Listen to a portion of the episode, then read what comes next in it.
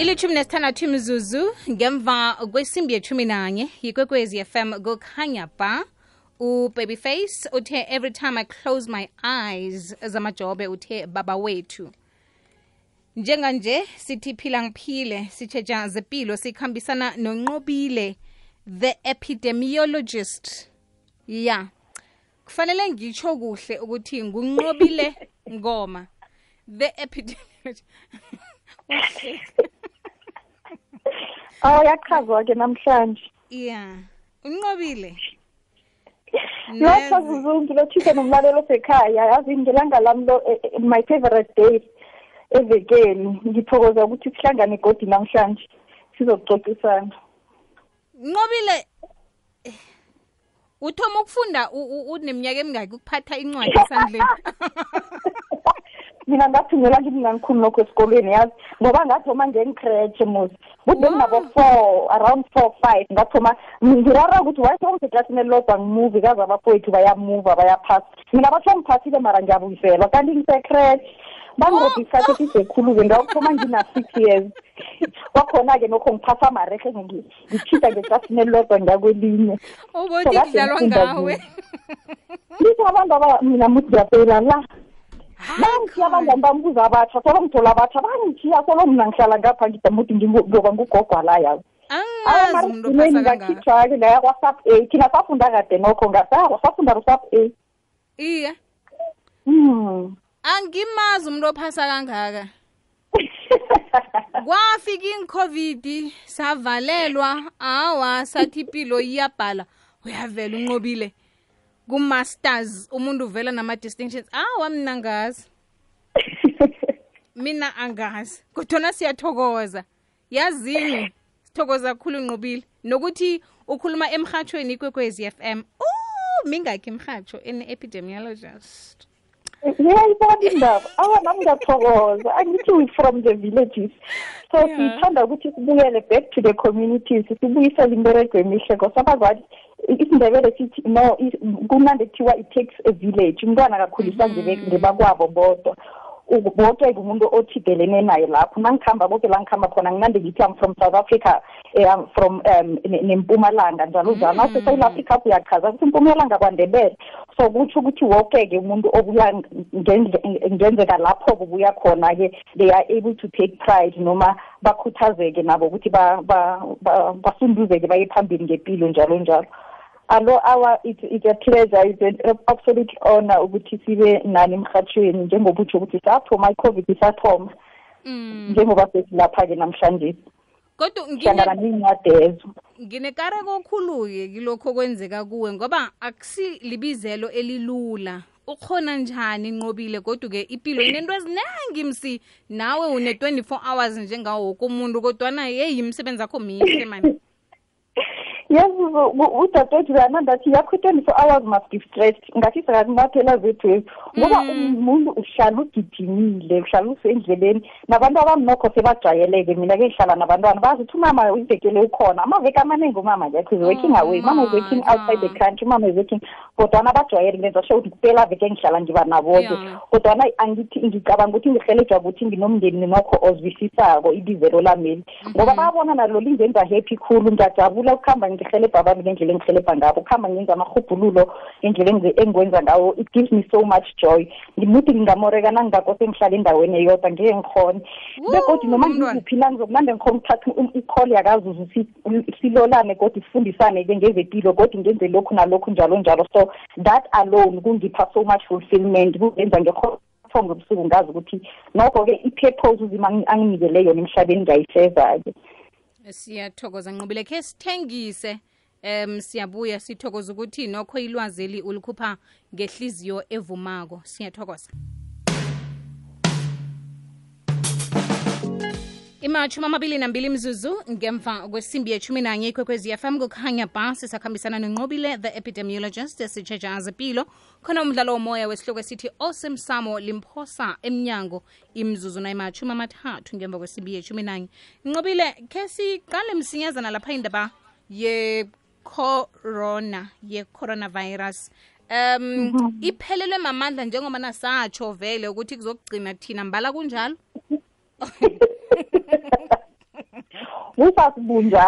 Yeah. kodwana siyazi ukuthi i-coronavirus ngithanda ngivane nginande sikhumbuzane ukuthi akubakusile yokuphela. Njengoba sazi ukuthi sidila nomkhuhlane ipi- empilweni yethu nayo injalo ingenye yemikhuhlane ezokuhlala ikhona.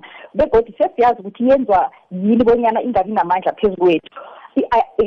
Icorona le begodi ayikhambi isigulise ngokufana. Abanye libi namandla abanye ayinamandla. Begodi se- sesiyazi mina nomlaleli bonyana ngimuphi umuntu osebungozini bokuthi nangahlangana naye uyacindezeleka angene esibhedlela abanye bethu bayakhamba emhlabeni.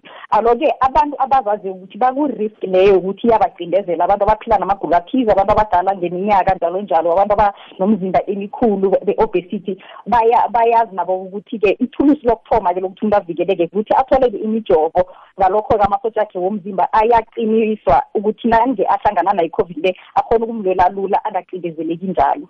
Kodwana-ke abantu abamcimana siyazi ukuthi ayikavamiki ukuthi ikhambe babeke phasi. Ngalokho-ke ngikho ngalokho i would love to remind everyone ukuthi kuyabaluleka ukuthi abantu babe nemijovo abayitholileko aba-due for ama-boosters wabo nabo bathole ama-boosters ukuthi nje ukuthi ube ne-maximum sibiza i-maximum protection. Ngoba yona-ke nayifika emzimbeni akho ayi- ayithole nokho amasoja akho omzimba ahlomile begodi ingakhona ukuthi kulalise phasi be- ukuhambe-ke emhlabeni.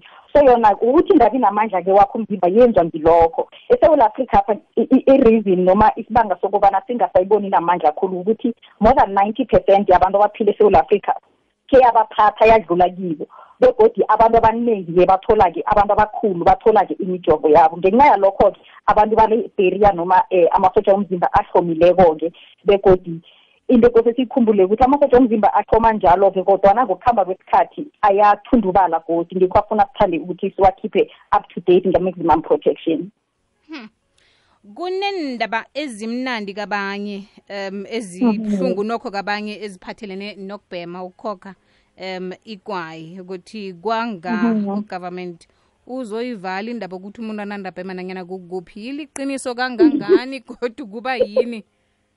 Hey indaba le i- i- i- nokho ama- ama-state ama-member state eh, i- ama-countries noma-ke eh, iinarha kade zihlale zikhulumisa begodi kune-document ekhona esewula afrika bayaso yasungulwa ngabo-two thousand and eight ekhulumisa indaba yokuthi ngathi ngarhoxisa i- into yokuthi abantu babheme isinoma njani so lokho kuhle kuhle kuhle kuqalisisa khulukhulu i-secondary smoking sakhumbula ukuthi umuntu nabhemako ubhema yena yes kodwana intuthu le ikhona ukurhitha abanye abantu abaqalene a- a- athidelene nabo noma ukuthi bakhona ukuyihogela alo-ke kuqalisiswa ama-effect noma um abantu ukuthi ba-affecte kanjani bathinte kanjani ngemva kokuthi babheme bangabhemi. Um- u- u- uphefumule ngenxa yokuthi omunye umuntu uyabhema duze kwakho. Cause um siyazi-ke ihubhulile liyasitshengisa ukuthi baningi-ke abantu aba- abakuhamba emhlabeni ngenxa yama-tobacco related diseases. Siyazi ukuthi eh, eh, ukukhokha kuyakuhamba kuyamgulisa umuntu. So ihubhululo eh, elaba lenziwe khona global emhlabeni wonke ukuthi about seven million yabantu bakhona ukuhamba emhlabeni ngonyaka ngenxa yama-tobacco related diseases. Bese-ke ku-seven million leyo i-nine hundred thousand yabo abantu labo bakuhamba ngoba bama-secondary smokers. I-secondary smokers akusuwe o- ophethe into ebhemako le kodwana nguwe-ke ophefumule cathi komuntu loya bekabhema. So siyakuhamba sayibona ukuthi ayikhambi i-affecte wena kuphela na ubhemako kodwana-ke ikhamba i-affecte noma ithinte nalabo othidelene nabo. Begodwa esewula afrika pha-ke ihubhulelo elibe khona-ke lakuhamba laqalisisa ukuthi ngonyaka-ke kuhamba abantu aba um, just above forty four thousand. Ngenxa yendaba yokukhokha le. So ngiyacabanga-ke ukuthi mhlambe-ke urhulumente uyaqalisisa ukuthi angenza njani ukuthi ahocise indaba ukuthi nokho umuntu athi nakazibhemela yena thana akakhambi athinte abanye abantu aseceleni a- eqadi nabo. Because siyazi ukuthi inama-effect um eza athinte umuntu emzimbeni akhe khulukhulu abantwana aba- abancane nabantu aba- aba-vulnerable mhlawumbe abantu aboma abazibeleko njalo njalo. Oh, vane ngiyibone into le. Uthola ukuthi ulapha em endaweni zokudlela. Ukhetha ukuthi uyokuhlala ngaphandle ngoba ufuna ukubetshwa moya bese kuba khona umuntu okhokhako lapho kube ngasuthi wena ngokungakhokhi kwakho uhlukumeza ilungelo lakhe ngoba yena ufuna ukukhokha kungaphandle lapho. Hey, ngazi-ke yena ufuna ukukhokha wena ubona kiplani or na uhlalako uhlale nje uhlale wazi ukuthi uzokuphefumula into leya Mm. ayikhokhako kanti siyazi ukuthi uphefumula njalo ukuhambe uthinteke kwangathi nawe khe wakhokha. Iye. so siyazi ukuthi um ukhokhokho ukuhamba kuthinte i- i- uh, ihliziyo kuba nama-heart diseases abakhona kuthinte khulukhulu amaphaphu kuhambe kuthinte um indaba ezifana ne-stroke. Ebantwaneni khulukhulu abanogula kwamaphathana-ke abane-asma kokucubula i-asma leya-ke um umntwana avaleke. Abangana-asma abantwanyana bakhamba badevelophe nama-bronchitis ugulo okuthize kwamaphaphu. Abantwana abasesebancane bagcina bakhamba emhlabeni siyibiza nge-sudden infant death. Syndrome. Khumbulana sesibhedlela uma uzangena nomntwana agijima kanti umntwana beka ukhambe wahogela isimogo esithize njalo njalo. So siyayibona ukuthi into le ikhamba i-affecte abantu ochidelene nabo. Alo-ke ngiyacabanga ukuthi urhulumente uzama ukwehlisa ubungozi lobo ukuthi um especially kuma-public spaces kuma-indoors yabona lapho kuvaleke khona. Ngiyacabanga akusi um mkhumbulo omuhle ukuthi umuntu angakhathazeki asazikhokhele ahlangana nabanye abantu. Ngoba njengoba sitsho-ke ukuthi bakuhamba bathinteke nabo-ke noma kungasibo abaphethe into yikhokhabo yakhe. Ngemzuzu emibili eseleko nqobile ngiba wakhe sihlole msinyazana ngakwamakhi. Eh kanti batho kuqindeliswa amakhambo e-uganda khona senze njani? Sikhule nakithi yeza. ngiyakhumbula ukuthi amagulo aphathelanako zuzu nge-second yakhona ukutravela-ke so baboneke ngathi izinto mhlawumbe zingaphandle kwelawula they are not under control as far as ibhola ispreada ngakho kuleya narha sakhumbula ukuthi evekeni ezidlulile khe sathi ikhambi yaspreda nakwenye-ke i-district. So ayisekho sedistrict eyodwa la itholakele khona. Alo-ke bathi ba-institute-ke i-lockdown ukuthi bazame ukuthi bakhandele ukuthi ispreade khulu-ke igcwale iy'narha zonke ngoba njengoba inje nayingakhandelwako nayingabanjwako ngamandla iyokuhamba icele nakwezinye iinarha-ke ifike godi nakithana kwanye abantu.